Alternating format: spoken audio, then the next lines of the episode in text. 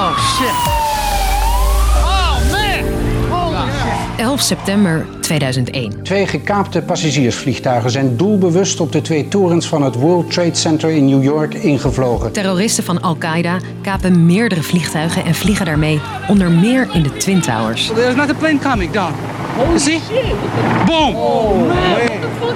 Bijna 3000 mensen komen direct om het leven. Sean, let you know I love you and I'm stuck in this building. Ik ben Sophie en ik vertel je hoe 20 jaar na de aanslag mensen nog dagelijks bezig zijn met 9-11. whole building just exploded, the whole top part. Lang verhaal kort. Een podcast van NOS op 3 en 3FM. 9-11, ja, daar hoorden we van toen we op school zaten. En ik weet nog dat de tv aanging op school. Dat, dat gebeurde niet heel vaak. En dat we dat wel met heel de klas hebben gekeken. Gegeven blik werd er op de deur geklopt dat de docent de tv aan moest zetten, want er was iets ergs gebeurd. Toen ik op mijn werk aankwam, toen vloog net de- het tweede vliegtuig in het WTC en toen begreep ik pas dat het om New York ging. Het is kwart voor negen 's ochtends als in New York een vliegtuig in één van de torens van het World Trade Center vliegt. Holy shit. 17 minuten later vliegt er een tweede in de andere toren.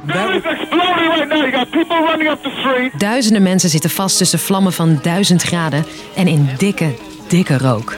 Sommigen zijn zelfs zo in paniek dat ze uit het raam springen. Ruim 100 verdiepingen naar beneden. Over there, they're jumping out the windows, I guess, because they're trying to save themselves. I don't know. Na de crashes van de WTC-torens vliegt ook een toestel in het Pentagon. Het hart van de Amerikaanse strijdkrachten. We're looking at a uh, live picture from Washington, and there is smoke pouring out of the Pentagon. In New York stort de eerste toren van de Twin Towers in.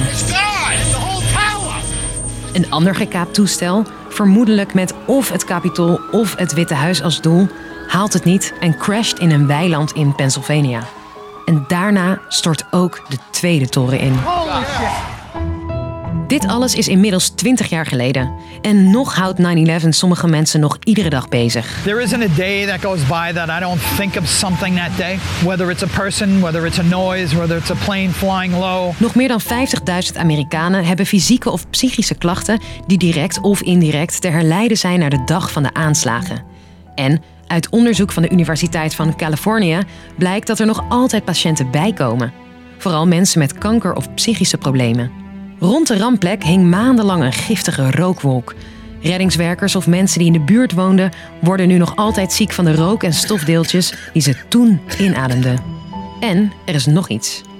40% van de dodelijke slachtoffers is nog altijd niet geïdentificeerd. Experts proberen dat dag in dag uit met nieuwe technieken te doen. looking through all like the concrete and um, looking for specific personal anything that looks like bone whether or not animal or human and just going through piece by piece and looking to see if we find anything En heel recent nog met succes. Two more victims identified today using the latest DNA technology. Zo kreeg Nikia 20 jaar later een telefoontje dat de overblijfselen van haar moeder zijn geïdentificeerd. Shocking. I didn't expect it after all this Haar moeder is het 1647ste slachtoffer dat is geïdentificeerd. Twintig jaar na de aanslag vragen mensen zich nog steeds af wie nou de verantwoordelijken zijn voor 9-11. Daarover gaan de nodige theorieën, waaronder complotten de ronde. Sommigen denken dat Amerika er zelf iets mee te maken heeft. It was almost like they ignored it because they wanted it to happen. En een groep nabestaanden en overlevenden vermoedt dat Saoedi-Arabië er iets mee te maken heeft.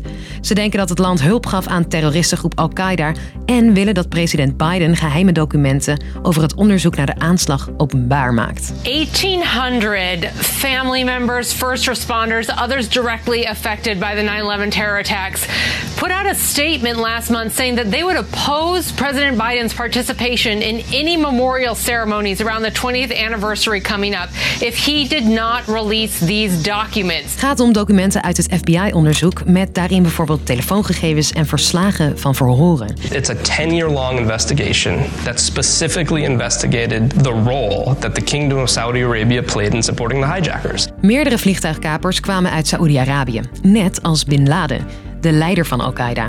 Saoedi-Arabië zelf ontkent dat het iets met de aanslag te maken heeft. President Biden heeft inmiddels gezegd dat hij de geheime documenten wil vrijgeven. Wanneer dat gebeurt, is nog niet duidelijk. Dus, lang verhaal kort. Twintig jaar geleden vlogen vliegtuigen in de torens van het World Trade Center en het Pentagon. Oh shit!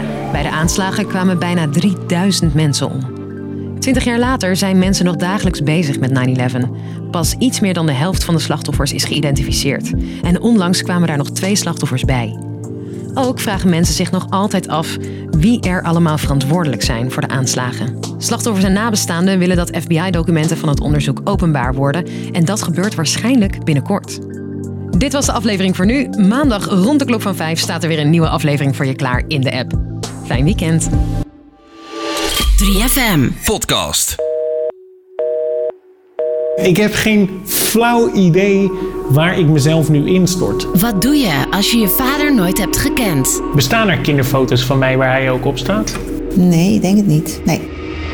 Je moeder heeft ook gezegd van toen ik heb zo hard gebeden om toen jij in haar buik zat van kan die alsjeblieft in niks op hem lijken. Ik heb zijn nummer gewoon. Ik kan hem gewoon bellen, maar ik, ik durf het niet. Joram Kaat zoekt het uit in de podcast Who's Your Daddy? Check hem via de 3FM app of jouw favoriete podcastplatform.